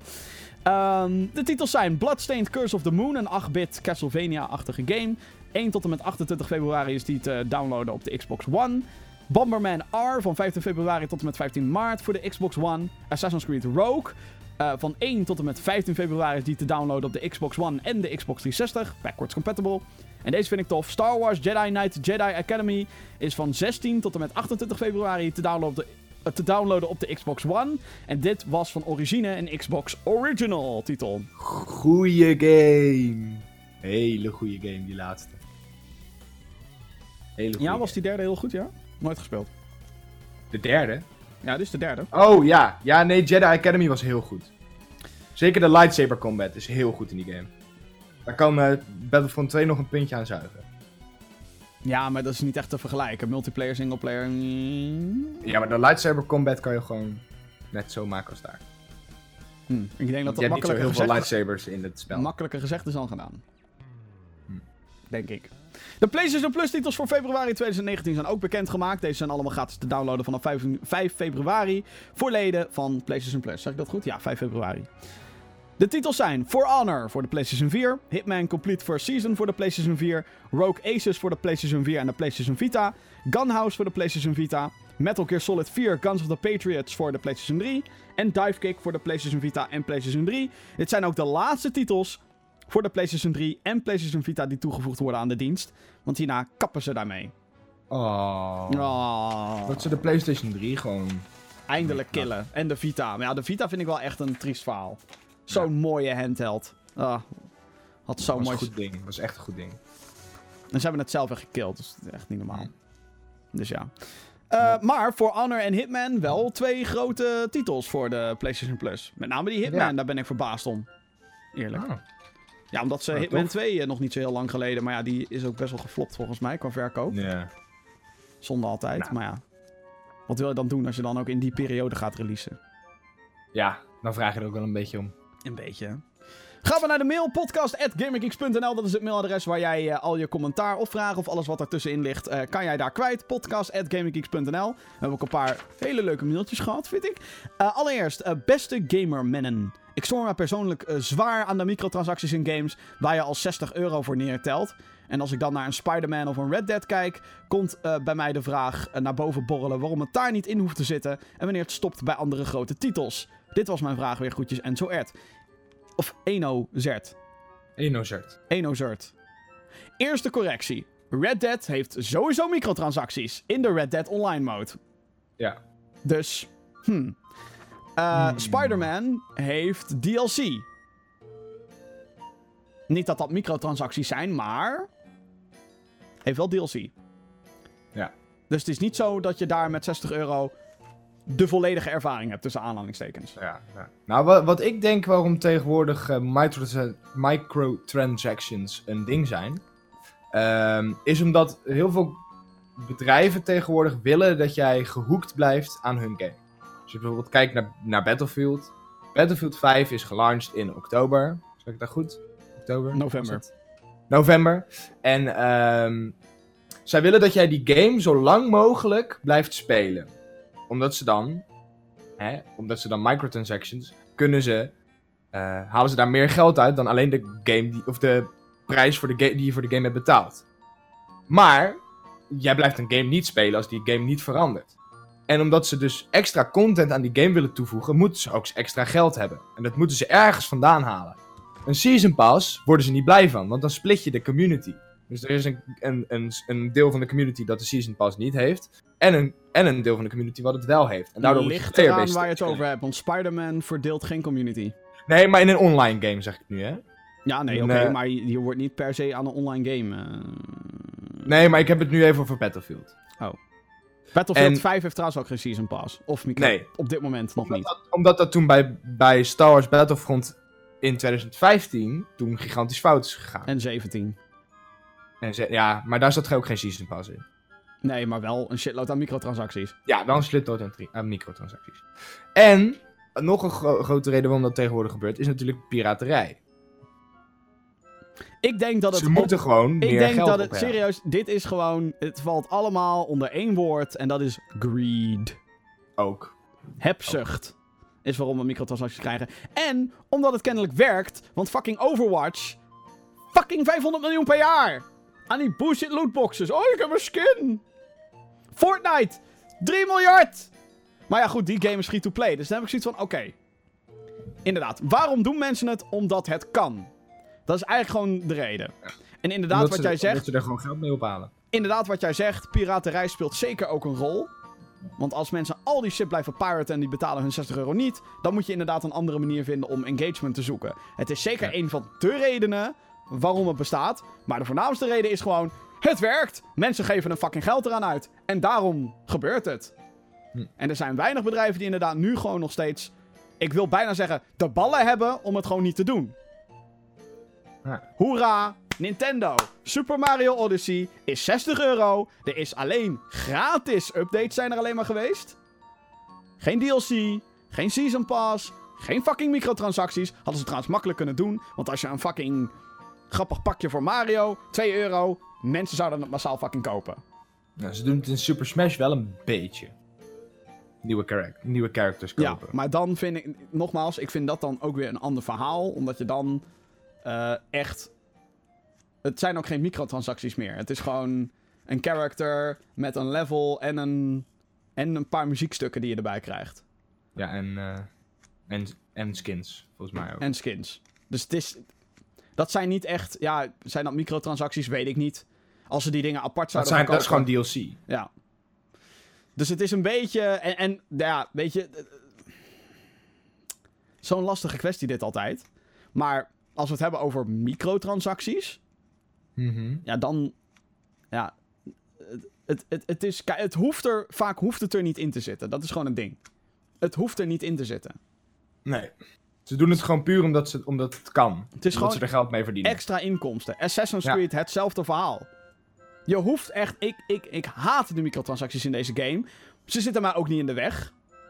Dus daarom vind ik die game meer dan prima heel erg goed. Reviewgaminggeeks.nl. Woe, Assassin's Creed Odyssey.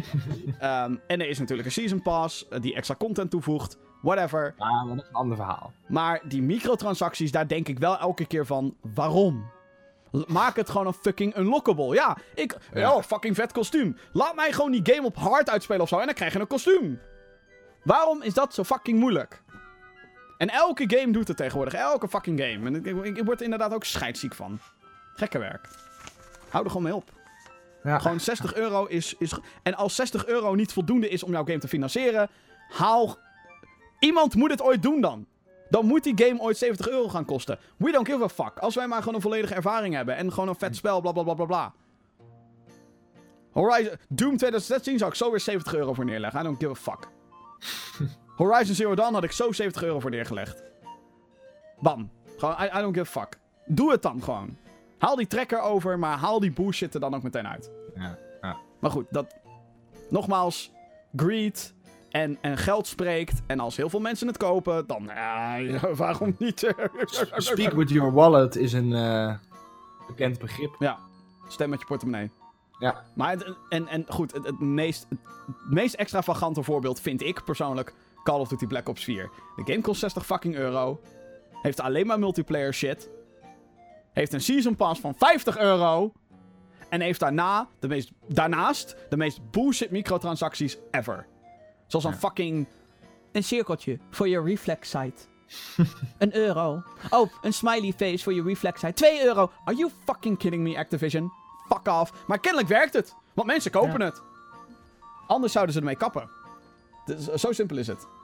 Ja. Ik merk het. Ik een beetje boos. Ja, Ehm, nou, volgende. Ja, volgende is van onze enige echte Helly de Helminator. Hallo podcasters van de Gaming Geeks podcast. Heel veel podcasts gaan over muziek. Dus ik heb een muziekvraag. Luisteren jullie tijdens het spelen van een spelletje alleen maar naar de in-game muziek? Of draaien jullie ook andere muziek over de in-game muziek heen? En luisteren jullie wel eens naar game muziek als jullie niet aan het gamen zijn? Hashtag DTV, durf te vragen. Groetjes Helly. Nou. Wij weten allemaal waar jij naar luistert. Nou, wat dan? Life is Strange. In je vrije tijd. Oh, naar de soundtrack. Ja, ja, ja, ja. Ja. Mooie soundtrack. Ja, ja, ja. Ja. Ja. Maar game jij ook wel eens zonder de in-game muziek? Ja. Ja. Ja. En is dat dan bij specifieke games? Of, eh, Nee, dat, zijn, dat zijn heel veel games. Echt bijna alles eh, doe ik je... heb het in bijna te- alle multiplayers heb ik het uitstaan. Oké. Ik heb, het, ik heb het in Battlefield heb ik het uitstaan. In Sea of Thieves heb ik het uitstaan. In Star Wars Battlefront heb ik het uitstaan. In Overwatch heb ik het uitstaan. Maar Gewoon omdat dan- ik me er kapot aan erger. Wauw. dat- Wauw. Dat, dat door die muziek in je oren hoor je de enemies niet meer. Ja. Dan heb je dat en dan hoor je de enemies minder. En dat vind ik, dat vind ik zo irritant. Dat ik gewoon zeg van luister, die muziek, hoe mooi die ook is. Want de muziek in de meeste videogames is gewoon echt fucking mooi. En zeker in Battlefield en in Star Wars ook. Maar het, het, het is bij mij gewoon van... Het, het, het heeft een gameplay nadeel. In een singleplayer game, zoals Life is Strange, waar ik mee bezig ben... Dan is het een heel ander verhaal. Dan voegt het iets toe.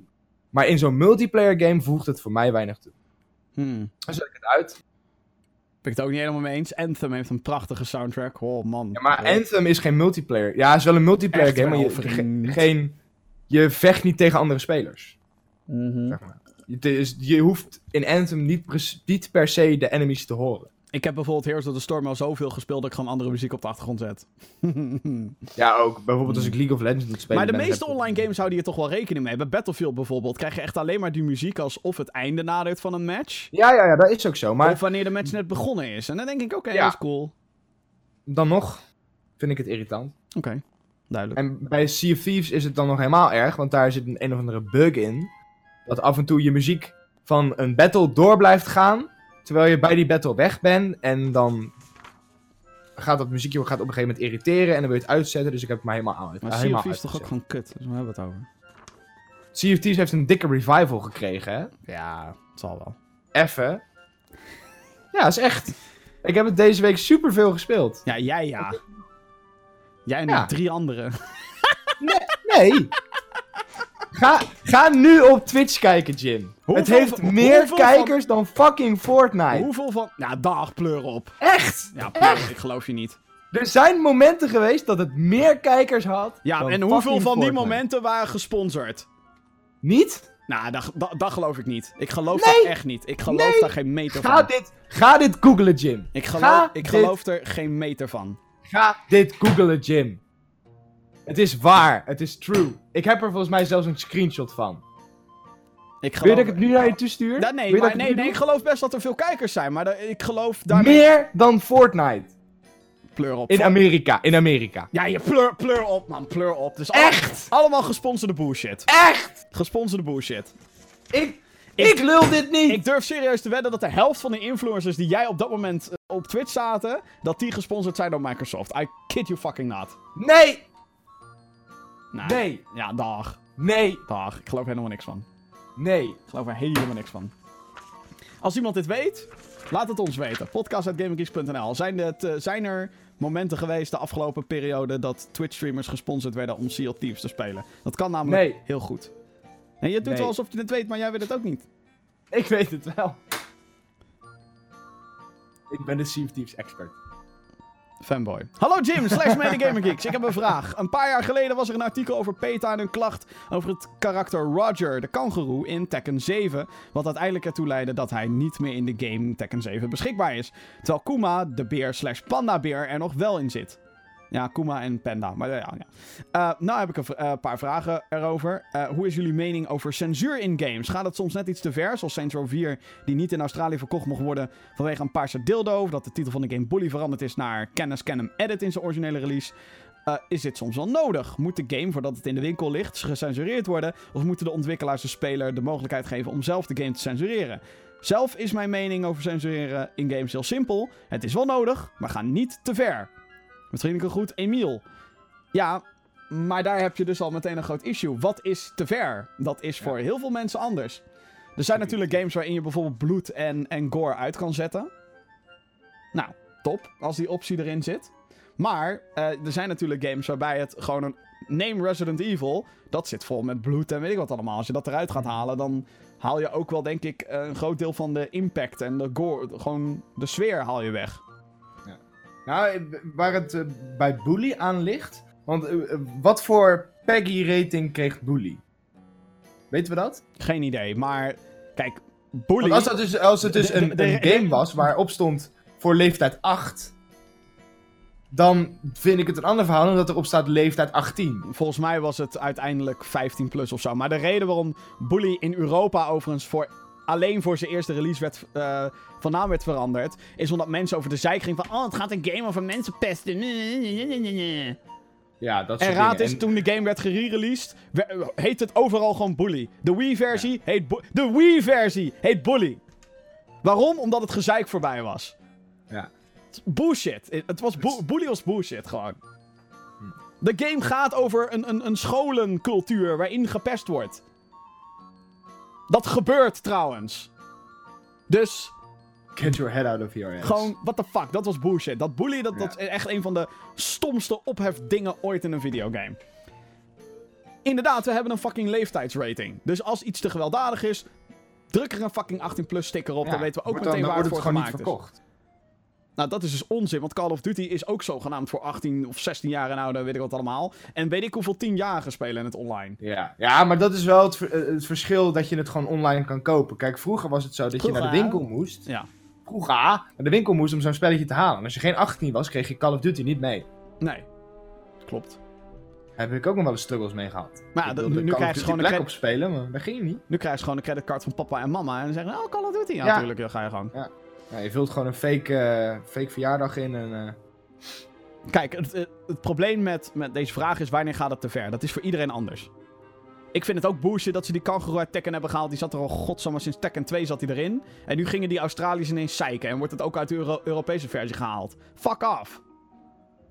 En ja, dat die Australiërs dan zulke bitches zijn. Oh, haal de paarse dildo uit Saints Row. Wat fucking, fucking mietjes, joh. Jezus. Idioten zijn het daar, joh. Doe normaal. En het is, het is niet eens... eh, Ik zeg niet dat het volwassen is om een paarse dildo in, in een game te hebben, maar... Ja, waar Die jullie zit toch ook in? GTA? De paarse dildo? Ja? Volgens Dat mij was dat, volgens mij een, een wapen in, dat is Saints Row nu. In nu Vice. City. In GTA Vice City kon je dat ook volgens mij doen. Met een paarse dildo mensen slaan. Volgens mij haal jij nu dat en Saints Row door elkaar. Nee, nee, nee, nee, nee, nee. Want ik heb Saints Row nooit gespeeld. Dildo, GTA, Vice City. Dildo Dodo? Dildo Nee, nee, Dodo? nee, nee. Dat is een mission die heet. Nee, nee, het was echt een wapen wat je op kon pakken. Dat kon je in de stripclub doen. En dan kon je dat wapen oppakken, kon je daar mensen mee gaan slaan. Hmm. Goed, dan moeten we nog even research Ik, ik vind doen. alleen maar dingen over een missie die Dildo Oh. Dodo heet. Maar goed, whatever. Oh wacht, Dildo Weapon. Ja, Dildo. Godsamme, weapon. Nou ja, nee, je hebt gelijk, joh. ja. Eh, San? San Andreas is het trouwens. Oh, San André, oké. Nou, De dildo Daar- is een melee weapon en gift in Grand Theft Auto San Andreas. Oh, daar heeft eh Saints... Saints Row heeft het gewoon gejat van GTA. Dat is mijn vraag dus eigenlijk. Is dit uit GTA San Andreas ook gecensored in Australië? nee. Yeah, fuck fucking bitches, jongen. Fuck. nee, ze, kijk, weet je... Tuurlijk zijn er games die te ver gaan. En als je erop uit bent om hate speech te, te, te, te verspreiden met een spel... Als dat de, het enige doel is van de game... Snap ik dat Dan er censureren. dan snap ik dat er censuur. Hè? Als je bijvoorbeeld een. eh, En die games zijn er geweest op Steam trouwens. Van oh, homo killer, ah, kill all the gay Ja, maar people. ook dat, ehm, Dat soort dat shit. bijvoorbeeld in Wolfenstein, Wolfenstein! Ja, dat Hitler gecensurd werd. Dat Al- het hele nazi... alleen in Duitsland. I- Ja, alleen in Duitsland. Maar dat vind ik ook zo ver gaan. Ja, van, ja ik, vanuit Duitsland snap ik het dan enigszins nog wel. Ja, maar dat- Ergens. Ja, maar dan nog. Van, ik bedoel, je mensen eh, hebben daar toch Kijk, een je, beetje ik ben, ik ben in dat opzicht een greedy motherfucker als het hier maar niet gecensureerd wordt. Maar ja, Ja, eh, maar Nederlanders vinden, vinden veel goed. Ja, kijk, ik, ik ben ook ervoor, nog wat ik net al zei, als er een game is op Steam die zegt eh, kill all the gay people, want het zijn gay people, dan denk ik ook, dit is, dit, what the fuck. Ja. Hoe durf je? Weet je wie, wie de fuck ben jij? Maar, als er bijvoorbeeld een personage is in een verhaal die in zijn zieke mind een reden zou hebben om zeg maar homoseksuelen aan te vallen. Weet je wel, als dat binnen een verhaal of zo, en er zou een goede reden voor zijn, het zou heel onsmakelijk zijn. Ik kan zo even geen verhaal noemen. Maar... Nee, kan ik ook niet. ik heb nooit zo'n game gespeeld, maar Nee. of, of eh, geweld tegen, eh, tegen, tegen bijvoorbeeld gay people in een game. Het zou kunnen. Het gebeurt ook, ongetwijfeld, in games. Eh, hè, Soldier 76 wordt in Overwatch vaak genoeg kapotgeschoten. Ja. Dus dat is dan in die zin geweld tegenover gay people. Maar ehm, Tracer. Tracer wordt ook heel vaak kapotgeschoten. Maar niet omdat ze... Dat ze gay zijn. Ja, precies. En... Een- Ehm ja, weet je, het, het is een heel lastig ding. Want wanneer gaat, nogmaals, wanneer gaat iets voor jou te ver? Kijk, als een, een game een, een daadwerkelijk bijvoorbeeld een bad guy heeft die, die anti-gay is of zo. En jouw doel is om hem uit te schakelen, dan vind ik het al meteen weer wat anders. Maar misschien is dat dan weer juist heel erg politiek links of zo. Ja. Het is een beetje. En dan ga je trouwens ook weer over hele politieke issues praten waar ik sowieso niet de intelligentie voor heb om daar diep op in, op in te gaan. Alleen ik ben, er, ik ben er gewoon niet echt heel erg vatbaar voor of zo, voor dat soort dingen. ja. Bij mij kan je best wel ver gaan. er zijn ook weinig games waarvan ik denk... Hé, gadverdamme dat ze dat hebben gedaan, gadver. Is echt heel weinig gebeurd. En zelfs dan zou ik zeggen... Ja, weet je... eh, ik zou het dan niet censureren of zo. Nee. Censuur vind ik gewoon heel ver gaan. Bij censuur is het namelijk zo dat je de artistieke vrijheid van een, een game... Maar dat geldt ook voor films, dat geldt voor boeken, dat geldt voor series... dat je dat dan meteen teniet doet. En dan moet je nogmaals de discussie gaan voeren. Wat zijn de normen en waarden? En we leven nou eenmaal in zo'n soort periode waarin je niks meer kan zeggen over niemand niet. Want dan ben je meteen een motherfucker. Weet je wel, als, als ik het er niet mee eens zou zijn dat Soldier 76 een homo is, ja, dan ben ik meteen een teringleier. Dan verdien ik het om afgemaakt te worden. Is Ja. dat dan ook censuur, omdat ik dat dan niet mag vinden? Vraagteken. Maar nogmaals, dat zijn allemaal politiek. En dat vind ik overigens niet. Ik bedoel, ik vind het prima. Overwatch mag, mag lekker doen met zijn personages wat ze willen. Alhoewel ik wel vind, persoonlijk, dat elk Overwatch-character nu een of ander label op zich gedrukt moet hebben. En dat, daar ben ik een beetje op tegen. Laat een character gewoon een character zijn. En of die nou gay, lesbisch, homo, hetero, I don't give a fuck. Hm. Maar goed, ja, nee, dat censuur, ik. eh Fuck censuur. Ja. Maar. Goed, laten we wel een beetje menselijk blijven. En nogmaals, die grens is voor iedereen anders. Heel lastig vind ik het. Ja. Oké, ehm. Zijn er nog mailtjes? Volgens mij niet. Podcast.gaminggeeks.nl Eh Ja, oké. Eh, Oeh, hier moeten we even heel erg eh, snel doorheen gaan. Merk ik. Oké. Snel antwoord. Ludwig die mailt... Hey Gaming Geeks, jullie- hopelijk hebben jullie een toffe week gehad. Mijn vraag is, wanneer vinden jullie dat je iemand een gamer kan noemen? Iemand die games speelt. Ja, iemand die games speelt. Dat is gewoon een gamer. Eh, het is... Eh, behalve als je alleen op de telefoon speelt. Dan ben je geen gamer. Hoezo niet? Omdat, omdat eh, dan, dan kan je geen games noemen. die, die spelletjes, spelletjes, noem ik vind dat? jij. Dat, nee. Als je alleen maar Clash of Clans speelt op je telefoon, dan ben je geen gamer. Hoezo? Je speelt toch Clash of Clans? Dat is toch een game? Ja. Maar dan, ver- ben je, dan verdien je de titel gamer je niet. verdient de titel niet. Nee. Censuur! Hou je bek. Nee, ehm... Nee, ik, eh, nee. Nee. Als je, iedereen is in principe een gamer, behalve Clash of Clans.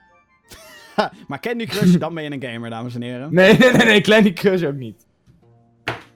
Dit is Als je zeg maar... Fortnite speelt, dan wel. Het ligt er maar net aan hoe je jezelf identificeren, joh.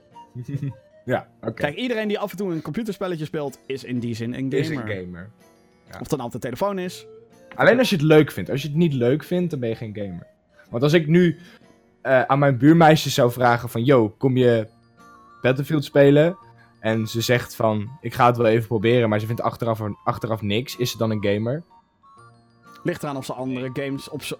Als je, dus ook al vind je het niet leuk, op het moment dat jij een, een, een videogame. Wacht even. Dit, dit. Dit is nu gewoon. We gaan dit googlen. Een Wanneer ben je een gamer? A person who plays games and especially video or computer games.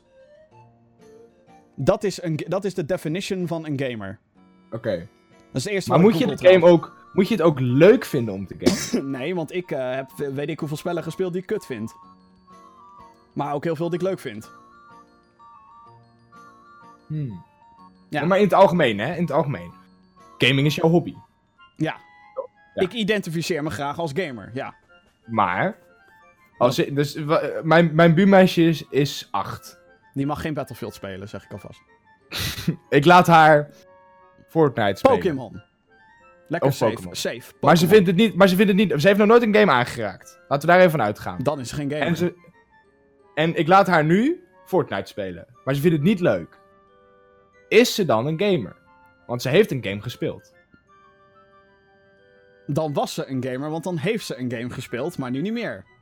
Dan zou ze dus zichzelf ook- je hoeft niet per se gaming leuk te vinden om een gamer te zijn.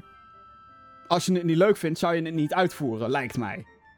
Nou, om gewoon om te proberen. Dus ik zeg tegen haar, kom, ja, maar, dan, ja, maar da- da- dat, is, da- da- dat is net zoiets als dat je vraagt... hey, eh, ben jij een filmkijker als je een slechte film hebt gezien? Is toch Als je de film... Nee, maar als je, als Ben je jij- films kijken Ben jij een bioscoopganger? Als je naar de bioscoop bent geweest, je gaat niet meer en je hebt een slechte film gezien. Dan ben je ook geen bioscoopganger, lijkt me. Het is maar net hoe je... Ga je hier veel te diep op in. Nee, jij gaat er veel te diep op in door ineens een of ander random buurmeisje erbij te halen. Ja. Nee, het is, ligt er maar net Ga maar aan. weer terug. Je hoeft niet te komen. Oké. Kom, maar, kom maar Call of Duty. nee, doen we niet. Ehm, Nog 10 jaar wachten.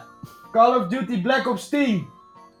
maar mensen die bijvoorbeeld The Sims alleen maar spelen. Ja, dat is toch een videogame? Of ben ik dat... Ja, dan... Ah, nee, Oké. Maar- Iedereen die... Bij deze. Iedereen die games op een regelmatige basis speelt... Is een gamer. Maar wat is dan Zelfs, zelfs regelmatig? dat regelmatig hoeft niet eens. Videogames zijn zo breed, jongens. Ja, oké. Laat maar. Laat maar. Ik ben, ik ben niet iemand die zegt: Jij bent een gamer en jij niet, want jij speelt Candy Crush.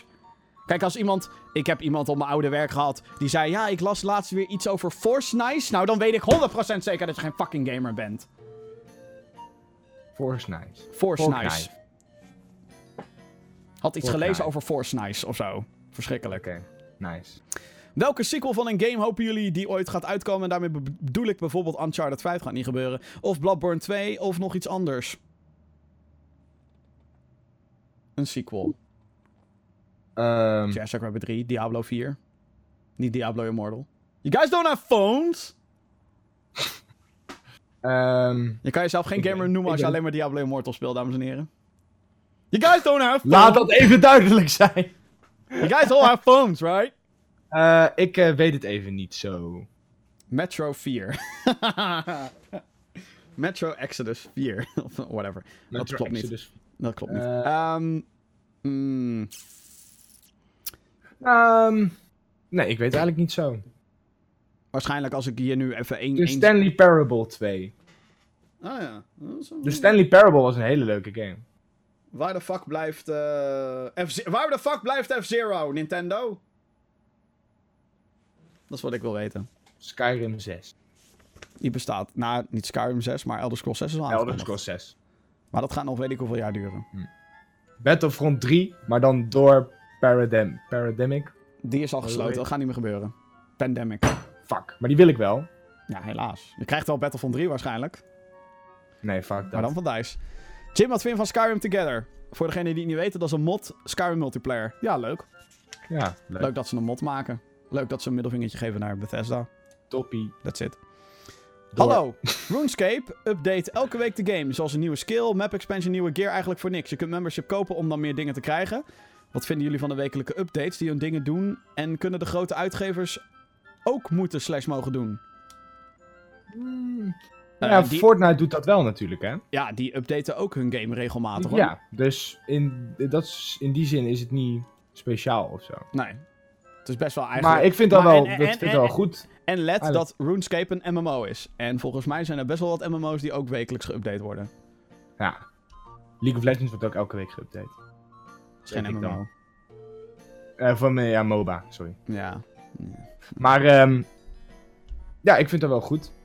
Maar ook als je het eh, twee keer in de maand of één keer in de maand update, dan vind ik het al goed. Het ligt eraan wat voor type game... abandoned. ligt eraan wat voor type game eh, je bent natuurlijk. Kijk, als ze in de Division elke week iets gaan toevoegen, ten eerste is dat niet te doen. Ten tweede, eh, hallo, mag ik ook gewoon like een game spelen en niet alleen maar de hele fucking tijd die kut-updates krijgen? Daar ben ik toch ook helemaal gek van, ja. Ja, ja. Sterker nog, soms hoef je niet altijd wat aan te passen. Sommige dingen zijn prima. Hm. Ik kijk naar jou, Blizzard, en je sommige reworks van Heroes of the Storm character. Sommige dingen moet je gewoon lekker laten gaan. Laat het gaan. Let it go. Sommige dingen zijn prima. Maar ik wil wel nieuwe characters. Poepoe, nou nou. ehm, willen we nog de releases doen? We zijn veel te lang doorgegaan. Echt veel te lang. Ongelooflijk. Eh, maakt niet uit, doe het heel snel. 5 februari. Oké, dit zijn de releases van de aankomende week, dames en heren. 5 februari komt uit Etrian Odyssey Nexus voor de Nintendo 3DS. Een typische JRPG die eindelijk in Europa uitkomt. De Japanse release was augustus 2018. Riot Civil Unrest, our predictor Riot, komt eh, eh, ook op 5 februari naar de PC, eh, Steam en Nintendo Switch. Indie game waarin je de rol kan spelen van railschoppers of de politie. Hele coole pixel art zit erin. The Book of Unwritten Tales 2 komt naar de Nintendo Switch op 5 februari. Een point-and-click adventure game. V-Rally 4 komt ook naar de Nintendo Switch. En eh, nou ja, de titel zegt het eigenlijk al. Een rally racing game. Op 8 februari komen er ook nog een aantal games uit. Blaze Blue, ik denk dat dat de goede uitspraak is. Central Fiction, de Nintendo Switch release van een anime 2D fighting game. God Eater 3 komt naar de PC, Steam en PlayStation 4. Een Japanse 3D hack and slash action RPG die wel wat weggeeft van Monster Hunter. En Monster Energy Supercross 2 komt naar PC, Steam, PlayStation 4, Xbox One en Nintendo Switch. Een motocross game waarin je kan racen, trucjes doen en modden in je gezicht kan krijgen. Uiteraard gesponsord door je favoriete tandbederfmiddel. Wee. Dat zijn de, althans de releases die ik kon vinden die enigszins relevant zijn, denk ik. Nou, leuk. Hartstikke leuk. Bedankt Lekker allemaal spelen. voor de vragen overigens via podcast.gaminggeeks.nl. Ik merk dat ik soms wel eens wat vragen gewoon moet parkeren. Want discussies. Want dingetjes. Wij hadden nog steeds door kunnen gaan over die gaming discussie. Over, ja, en over dat censuur gebeuren. Ja, ook. Hadden we ook nog eeuwig over door kunnen Ja. ouwe hoeren. Maar Maar er is dat gewoon horen, dat is... eh, er is een bottom line. En de bottom line is anderhalf uur. En we zijn al langer dan dat bezig. Dames en Oh heren, eh, aankomende week op GamingGeeks.nl. Want vind je deze podcast enigszins leuk? Nou, let dan op, want op GamingGeeks.nl hebben wij videocontent. Video's die wij maken waar we ons uiterste best voor doen en waar we graag nog meer kijkers op willen. Dus, ehm, check dat vooral afgelopen week. Onder andere Jesper met een lijstje. Games met hoge verwachtingen 2019. Spoiler, we hebben het volgens mij over alle drie gehad hier. Oh nee, eentje niet. eh, ja, over die Indirect. ene ook. De, Indirect. mijn nummer 1. Eh, Klein beetje. Van mij staat mijn eh, Assassin's Creed Odyssey review staat erop. De Aftercharge Impressie. Dat is een, een, een indie game. Als je denkt, hey, wat is dat? Nou ja, ik zou zeggen, check het even, gaminggeeks.nl. En eh, mijn Astrobot review staat klaar om gepubliceerd te worden. Dus die ga je aankomende week zien. We zijn met- bezig met nog meer video's, zoals een Monopoly Fortnite potje. We hebben een bordspel gekregen, Monopoly Fortnite. Dat hebben wij geprobeerd te spelen. Pure chaos. Dat wordt echt een hele leuke video. Dus eh, Ja, dus ik zou zeggen, abonneer op ons YouTube-kanaal, youtube.com slash gamergeeksnl. Jouw support, eh, die, die waarderen we heel erg. Dus youtube.com slash gamergeeksnl. Abonneer, klik op het belletje, zodat je op de hoogte gehouden wordt. En nog meer van dat soort YouTube-zaken. Daar kan je overigens ook elke week de videoversie van deze podcast vinden. Maar als je liever een audioversie hebt, dan zijn we ook te vinden op jouw favoriete podcast-app of service. Zoals Google Podcast, Apple Podcast of iTunes en Spotify. Goed. juist. Dit was een extra lange. En dat zeg ik elke week. Ik probeer het altijd rond een uur te houden. Het lukt me nooit. Het is de impossible ding. Censuur moeten we gaan toepassen op deze podcast. Zodat we een uurtje blijven. of niet. Nogmaals, laat je feedback weten via podcast.gaminggeeks.nl. Dit was aflevering nummer 69. Ik wil jou heel graag bedanken. En Jesper, jou, jou ook bedankt. Voor, voor het er weer bij zijn. Ja, graag gedaan, Jim. het tolereren van mijn aanwezigheid. Ja. Nou, vooral jij tolereren van mijn aanwezigheid. Ja! Oké, dames en heren, bedankt voor het luisteren. Dan wat kijken. En tot de volgende keer. Doei doei. Later!